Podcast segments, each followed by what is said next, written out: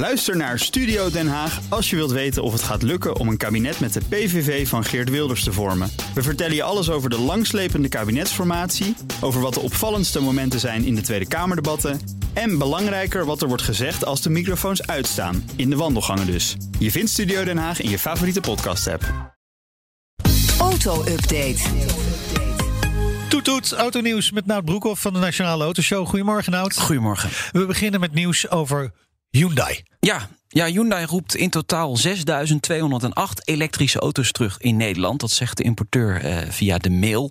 Eh, het gaat om de Kona. 5436 exemplaren en de Ionic 772 exemplaren. Gebouwd in uh, Zuid-Korea tussen uh, mei 2018 en maart 2020.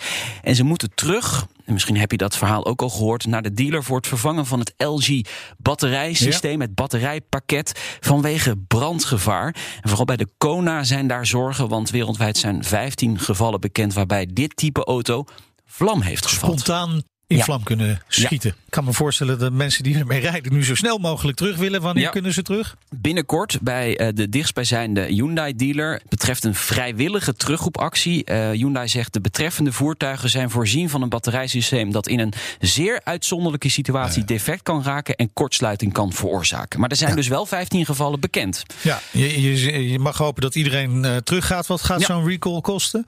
Nou, wereldwijd gaat het om uh, 82.000 uh, elektrische auto's. Daar is 800 miljoen euro mee gemoeid. Dus ga uit van 10.000 euro per voertuig. Dan kom je in Nederland op uh, 62 miljoen euro. Ja, ja voor dat deze is alleen maar Nederland. Ja. Uh, dan uh, ja, een beetje oppassen hè, met elektrische auto's. Voorzichtig zijn. Ja. Dat geldt ook voor het laden. Laadpalen voor elektrische auto's moeten beter beveiligd worden, schrijft Trouw. Gerben-Jan Gerbrandi, voormalig uh, eurocommissaris, of nee, Europarlementariër. Ja, we hebben hem ook wel eens een uitzending gehad. Absoluut. Um, voorzitter van het platform van oplaadpunten geworden. Waarschuwt dat palen gevoelig zijn voor hackers. Betere beveiliging en virusscanners. Ook voor de pasjes moet er komen zodat uh, ja, hacks uh, afgeweerd kunnen worden. En daar moeten we nu mee beginnen. Maar dat hadden we ja. eigenlijk al eerder moeten doen. Denk we ik. gaan straks de komende uur ook praten met dat uh, platform. Heel goed. Om meer duidelijkheid te krijgen over de beveiliging van laadpalen. Gaan wij ondertussen door met Aston Martin. Ja, het uh, merk levert een deel van de safety cars en ja. medical cars dit jaar. Half om half, hè, geloof ik. Ja. De, want de afgelopen jaren was het Mercedes. Ja, klopt. Een dikke AMG. Die doen 11 races en Aston Martin doet 12 races. Okay. Als ze allemaal doorgaan natuurlijk. Dat is allemaal de afbouw. Het, leuke is dat die Formule 1-coureurs er altijd achterrijden en altijd gaan ze op. Die gasten die rijden echt vol gas over ja, dat ja, circuit. ja, in, de Mercedes of in, in die Aston Martin komend jaar. En die Formule 1-coureurs die zitten daarachter. It's too slow. Ja, ja it's too slow. Vooral ja. Hamilton. Om de banden maar beetje. Ja, vooral Hamilton die was aan het klagen. En vooral op de safety car inderdaad.